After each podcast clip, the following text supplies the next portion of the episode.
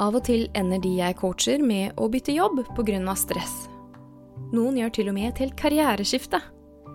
Hvorfor er det så vanskelig å bli kvitt stress? Og vil det hjelpe å bytte jobb? Du lytter til Med hjertet for jobben, en podkast om stressmestring og arbeidsglede, selvledelse og karriere.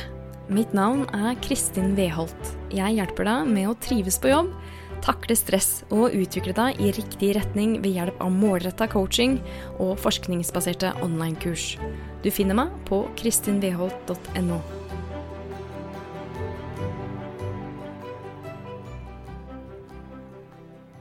Velkommen til episode én av podkasten Med hjertet for jobben. Innholdet i dagens podkast blei opprinnelig publisert som en artikkel i AW Magazine, The Pivot Issue. Du finner magasinet på awmagazine.no. Min venn kokken sparker til søppelspannet så lokket skvetter. Banner fordi hvitløken allerede freser i stekepanna, og han er ikke ferdig med å kutte opp alle tomatene som også skal i panna. Jeg betrakter han, forbløffa over å se han sånn her.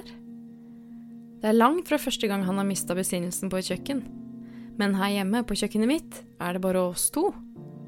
En helt vanlig onsdag kveld i januar. Spagetti pomodoro. Enkelt og greit. Ingen grunn til hast. Saken er bare den at han er ikke her lenger. Han er tilbake i restauranten sin, der han har jobba syv dager i uka i tolv lange sommersesonger på rad. Det er folk på alle restaurantens ti bord, og nå venter de på å få servert tre retter med vin. De har lest om denne rockestjerna av en kokk på TripAdvisor. Han som gjør absolutt alle oppgavene i restauranten sjøl. Her jeg sitter og ser han rase løs på kjøkkenet mitt, er det gått fire måneder siden han stengte restauranten for vinteren. Men det har ikke kroppen hans fått med seg. Det er noe med alle tomatene som må kuttes før hvitløken brenner seg. De er et ekko av sommerens vanvittige arbeidspress. Ekkoet trigger stressresponsen i kroppen hans. Adrenalinet gjør han aggressiv.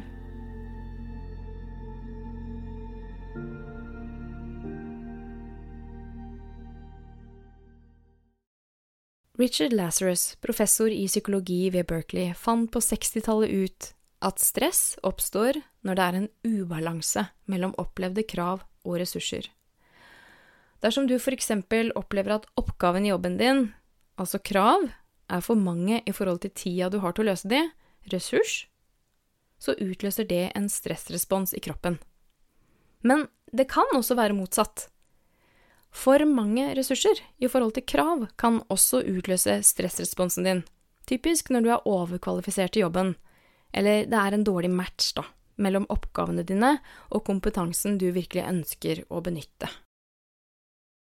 Stressresponsen er en automatisk prosess i kroppen din du kan ikke styre den sjøl. Det er din spontane vurdering av ressurser og krav som utløser den, og det skjer lynraskt. Da aktiveres det sympatiske nervesystemet av signaler fra hjernen din. Og det utskilles stresshormoner som adrenalin, noradrenalin og etter hvert kortisol. Og de hormonene har i oppgave å styrke prestasjonsevnen din. Nå er du i beredskap. Og straks du klarer å gjenopprette balansen mellom krav og ressurser, så vil stressresponsen balanseres av det parasympatiske nervesystemet ditt.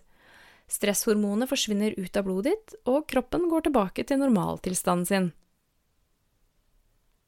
Stress er altså helt normalt, og stressresponsen er en funksjon du trenger for overlevelse og mestring. Vi snakker ofte om positivt stress, det skjerpa stresset du opplever når du er litt utafor komfortsonen. Stressresponsen er på, for det er en ubalanse mellom krav og ressurser her, men den er ikke uoverkommelig. Her er du i vekst, og det er sunt. Du har kanskje kjent et rush av adrenalin idet du skal holde en presentasjon for en forsamling, for eksempel. Men blir derimot ubalansen mellom krav og ressurser veldig stor, eller ubalansen varer over tid, uten mulighet til å hente deg inn? Vel, da snakker vi om negativt stress. Langvarig utskillelse av stresshormoner får negative konsekvenser for helsa og trivselen din. Som du kanskje har gjetta, så var historien om kokken et eksempel på negativt stress. Stresset han kjente på i restauranten sin var så overveldende, og det hadde vart så lenge, at det hadde danna seg et fast reaksjonsmønster i hjernen hans. Det skrudde automatisk på stressresponsen, sjøl når han befant seg i situasjoner som ikke krevde spesielt mye av han. De hadde bare visse likhetstrekk med arbeidssituasjonen i restauranten hans. Det vil føre for langt her å beskrive hva som faktisk skjer i hjernen for at slike mønstre skal etablere seg. Det holder å påpeke at negativt stress kan bli kronisk når det har vart lenge. Ikke minst fordi stress har så mange negative konsekvenser som virker forsterkende på stresset. For å mestre stress må du kunne kjenne igjen tegna på stress når de oppstår. Stress har fysiske, psykiske og atferdsmessige tegn. Tenk tilbake på en situasjon som skapte mye stress for deg. Hvordan merka du det i kroppen? I tankene dine? Og i følelsene dine? Hvilke endringer i atferden din kan du huske? Skriv gjerne ned de tegna for deg sjøl, så du kan bli litt bevisst på de, sånn at du lærer å stoppe opp, eller i hvert fall bremse ned. Og kanskje skal du ta en stresstest jeg har lagt ut på nettsida mi. Du finner den på kristinveholt.no slash stresstest. Det er vanlig at enkelte situasjoner særlig kan trigge stress hos deg. Når du tenker tilbake på situasjoner du har opplevd som spesielt stressende, hva har de felles? Hva var de ytre omstendighetene dine? Hva var de indre omstendighetene? Kunsten å mestre stress handler også om å lære å ikke reagere på triggerne dine, men heller respondere på en hensiktsmessig måte. Det er lettere sagt enn gjort.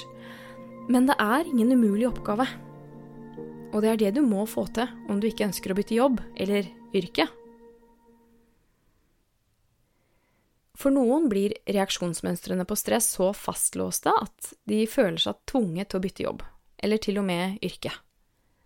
Kanskje er det så mange triggere i kokkens arbeidssituasjon som skaper stress, at jobben med å avlære reaksjonsmønsteret blir for stor.